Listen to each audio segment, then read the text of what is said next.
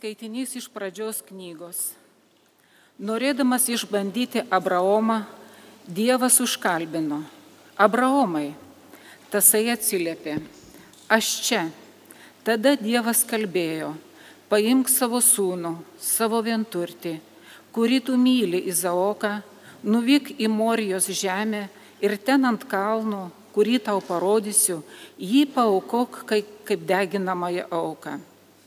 Pakilęs anksti rytą, Abraomas pasibalnojo asilą, paėmė porą tarnų ir savo sūnų Izaoką, priskaldė aukojimui malkų ir iškeliavo vietovėn, kurią jam Dievas nurodė.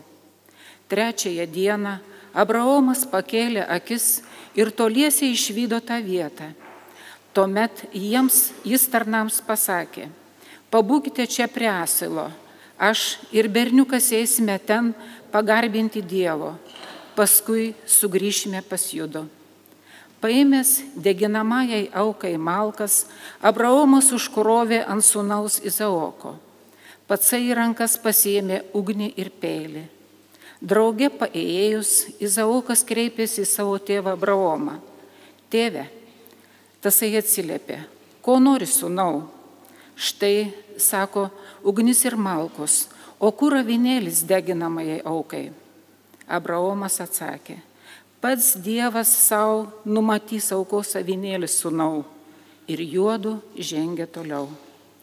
Atėjus į Dievo nurodytą vietą, Abraomas pastatė aukurą, sukrovė ant jo malkas, surišo sūnų Izaoką ir paguldė ant aukuro virš malkų. Abraomas jau ištiesė ranką ir paėmė peiliai sūnui žudyti. Tada iš dangaus sušuko jam viešpaties angelas. Abraomai, Abraomai. Tasai atsiliepė, aš čia. Anas kalbėjo, nekelk prieš berniuką rankos ir niekuo neskriausk juo. Dabar aš žinau, kad esi atsidavęs Dievui ir nepagalėjai man savo vienturčio. Pakėlęs akis, Abraomas pamatė, už jo avinas buvo ragais įsipynęs brusginę. Nuirėjęs ištraukė jį ir vietoj sunaus paukojo kaip deginamąją auką. Ta vieta Abraomas pavadino viešpats numato, kaip dar ir šiandien sakoma ant to kalno, kur viešpats numato. O viešpaties angelas antrąjį kartą sušuko iš dangaus Abraomui, sakydamas, prisiekiu pačiu savimi, tai viešpaties žodis, kadangi tu šitai pasielgiai, nepagailėjai man savo vienturčio sunaus, tave aš tau gausiai palaiminsiu ir tavo palikuonis padarysiu skaitlingais kaip dangaus žvaigždės ir kaip jūros pakraščios miltis. Tavo palikuonis užims savo priešų vartus. Per tavo palikuonis bus palaimintos visos žemės tautos, nes tu paklausėjai mano balso. Paskui Abraomas sugrįžo pas savo tarnus, visi susiruošę draugė iškeliavo į Beršebą. Tenai Abraomas ir pasiliko. Tai Dievo žodis.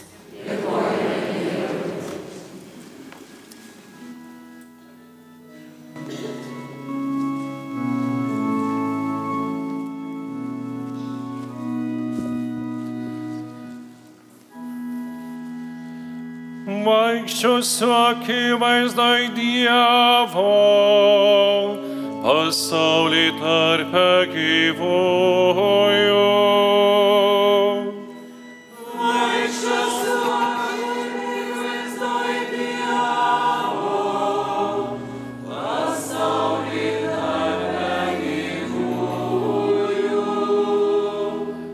Dievą myliu, nes jis išgirdo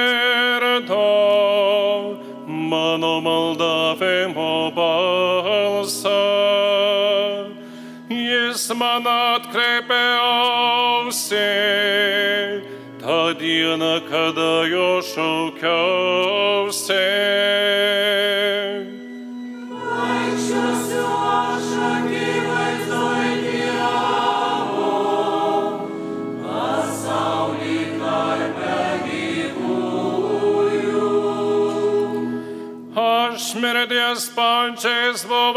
Apraizgytas,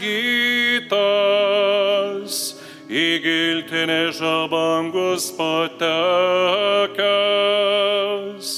Sielvartas vargas man buvo, ėmiau tada viešpadį šauktis, gelbėk viešpadį mano gyvybę. Vaikščiosiu aš akivaizdoj Dievo, pasaulį tarpe gyvųjų.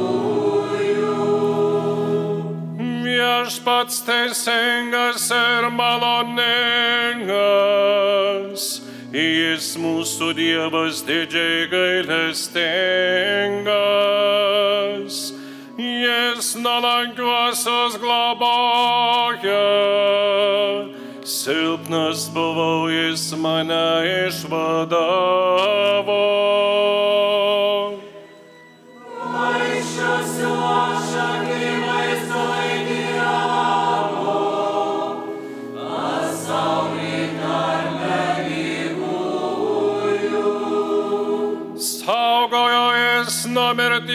Mano gyvybę, ašarų lieti neleido, nedavė klupt mano kojoms. Vaikščiosiu aš akivaizdoj Dievo, pasaulį tarpe gyvųjų.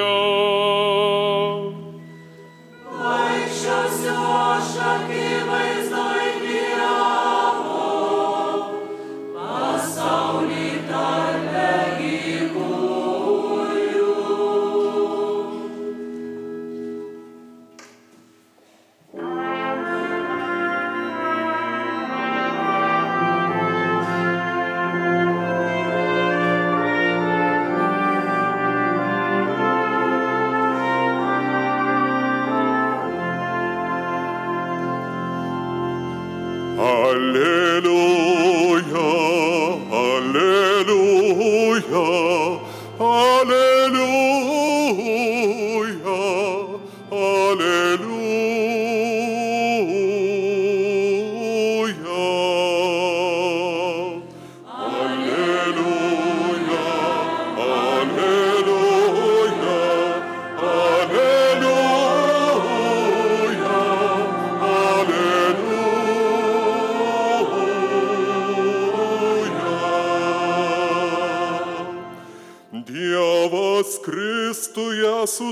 Sutaikino su savimi žmonės ir patikėjo mums sutaikinimo žinią.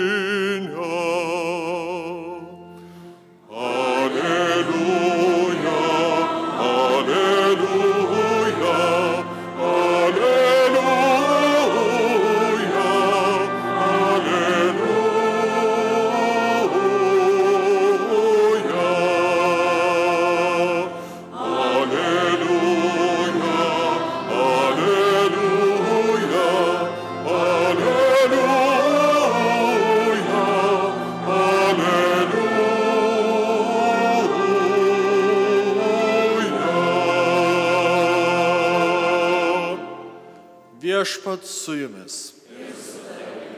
Iš Šventojios Evangelijos pagal Matą.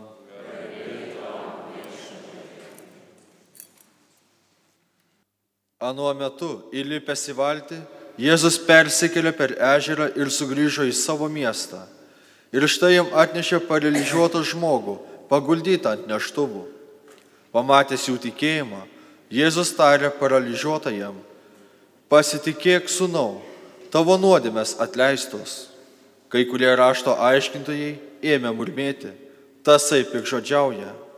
Skaitydamas jų mintis, Jėzus tarė, kam taip piktai mastote savo širdyje, kasgi lengviau, ar pasakyti, tavo nuodėmės atleistos, ar liepti, kelkis ir vaikščiok. Ir todėl, kad žinotumėte žmogaus sūnų, turint galę žemėje atleisti nuodėmės, čia jis kreipėsi į paralyžiuotąjį, kelkis, pasimk neštuvus ir eik namo. Šis atsistojo ir nuėjo namo. Visi tai pamačiusieji Minios įsigando ir šlovino Dievą, suteikusi tokią galę žmonėms. Tai viešpaties žodis.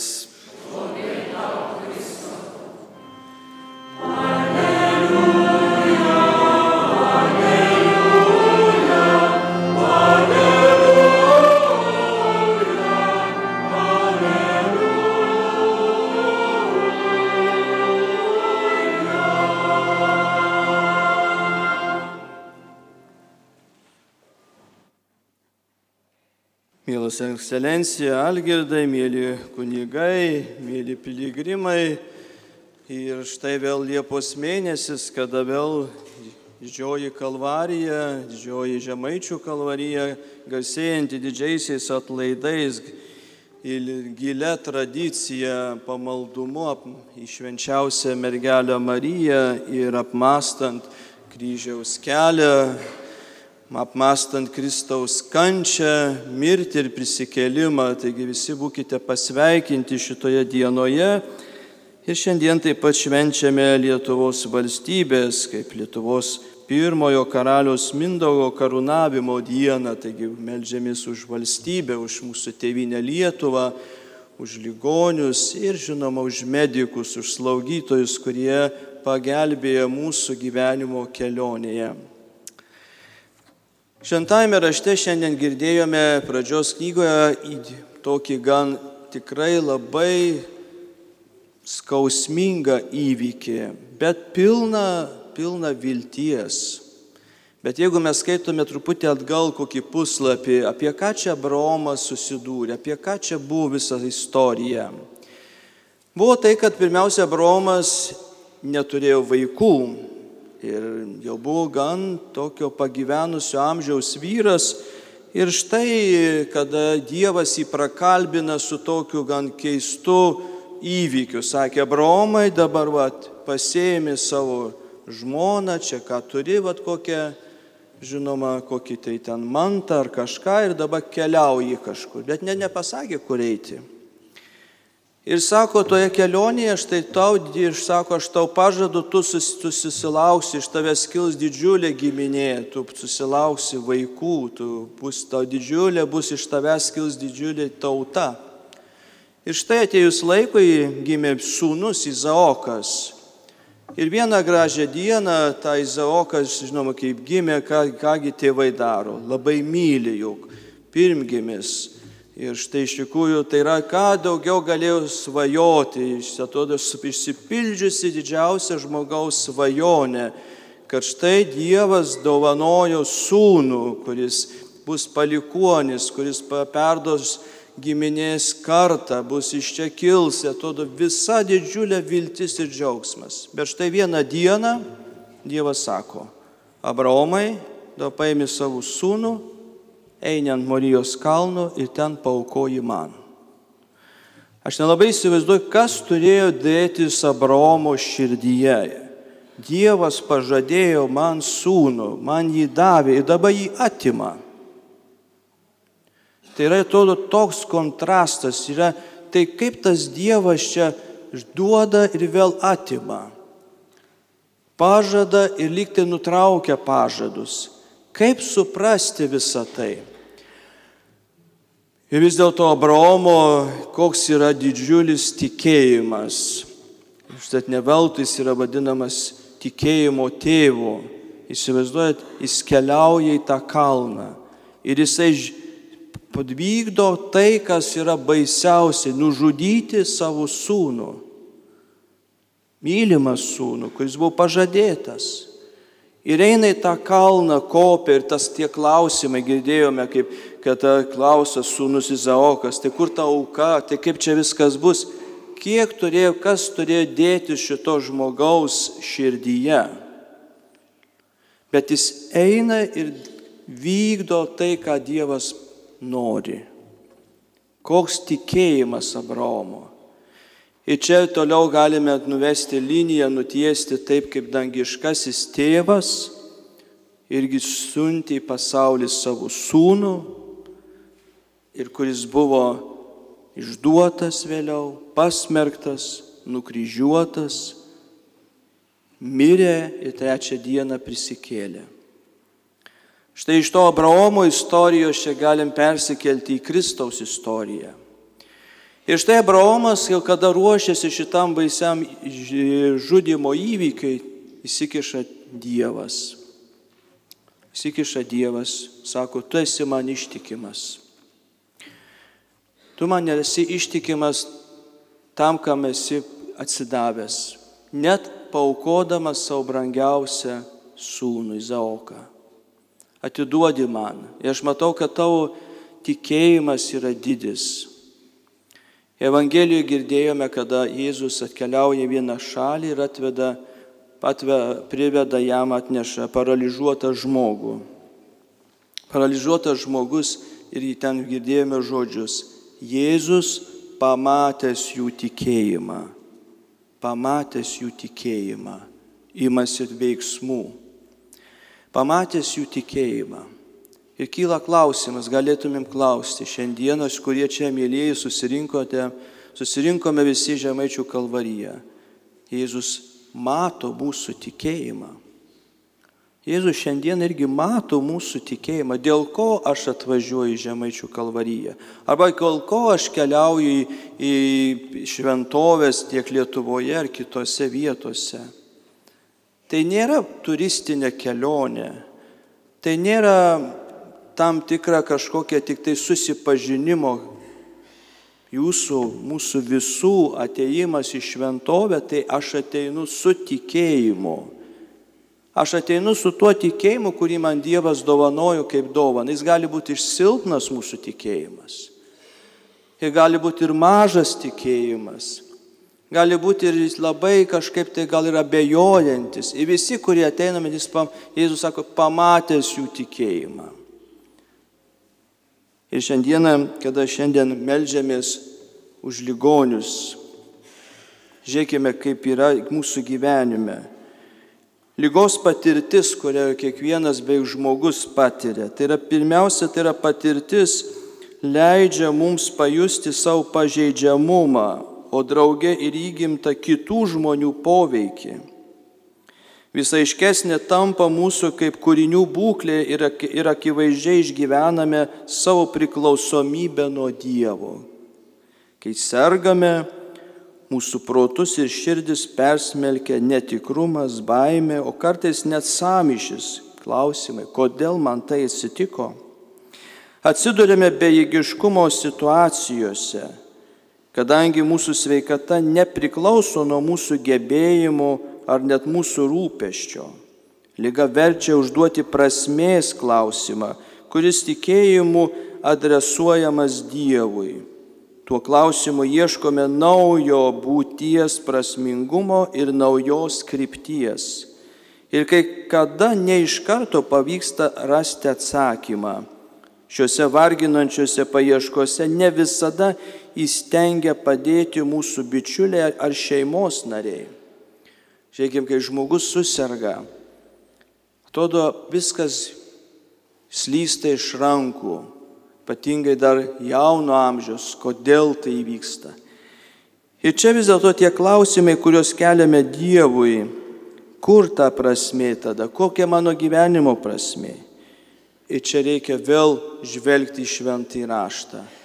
Didis šitų žmonių tikėjimas, didis Abraomo tikėjimas Net ir šitoje situacijoje mes sakykime su apaštalais kažkada, kai jie sakė viešpatie, sustiprink mūsų tikėjimą, nes be tavęs mes nepajėgus esame. Mums sunku suprasti galbūt ir tavo mokymą, bet viešpatie ir šitoje lygos situacijoje sustiprink mūsų tikėjimą.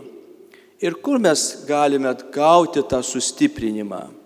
Sustiprinimą galime gauti švenčiant Euharistiją, meldžiantis, susitaikant su Dievu, o ypač nebijoti susi, su ligonių sakramento. Šiais laikais kažkaip atėjus yra kažkoks keistas dalykas, kada, kai pavartome vizitacijų knygas, ypač mirusiųjų metrikus.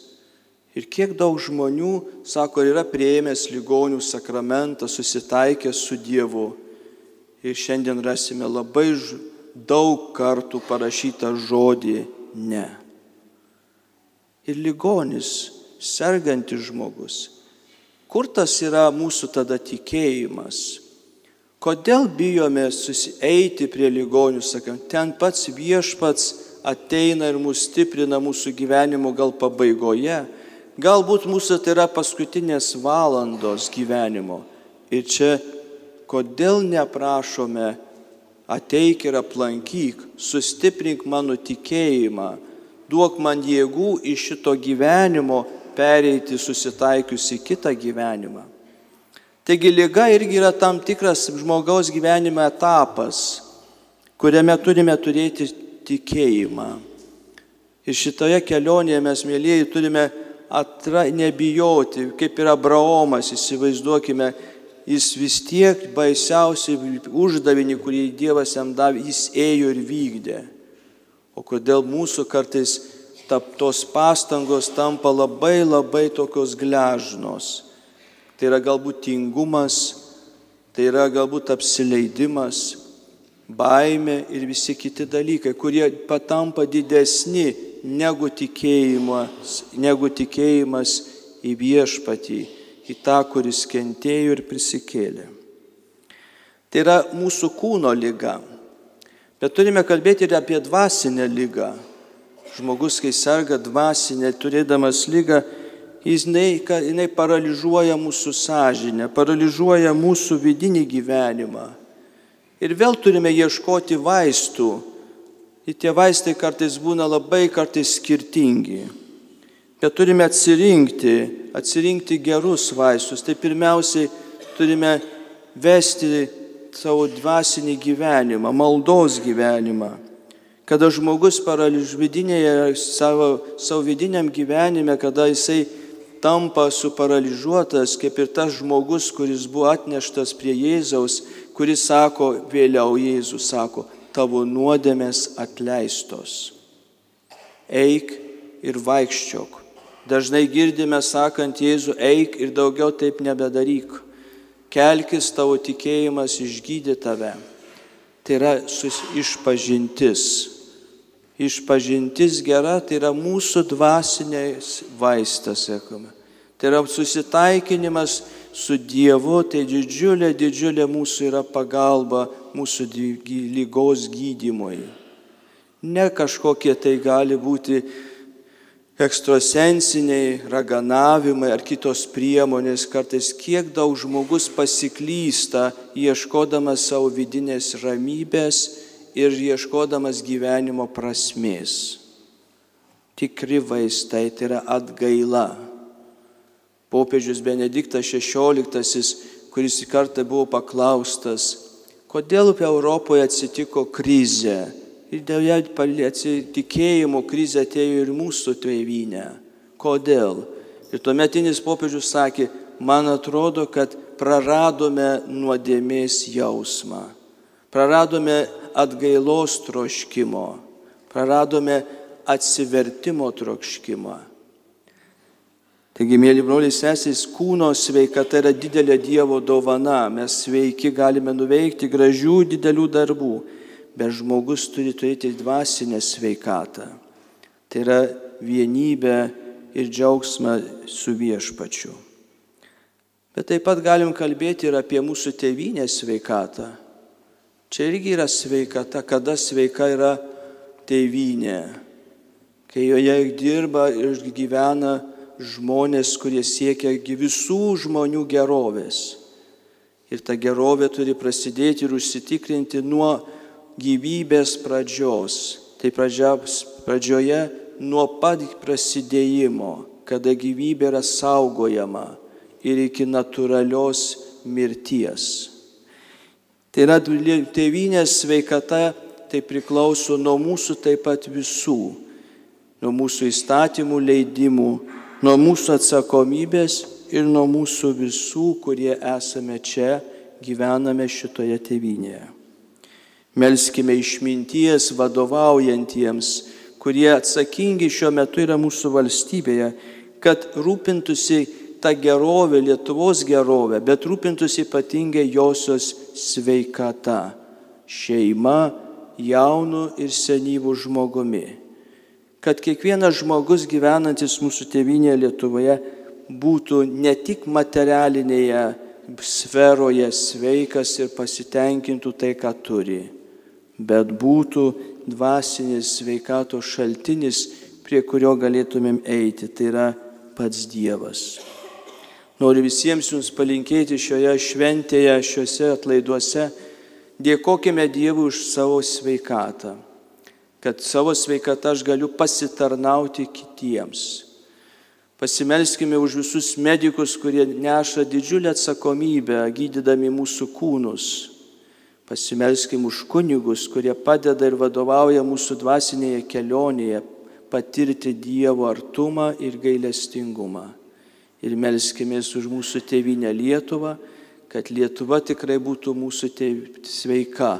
Sveika tuo met, kada yra gerbiama gyvybė, kiekvienas gyvenantis čia žmogus. Amen.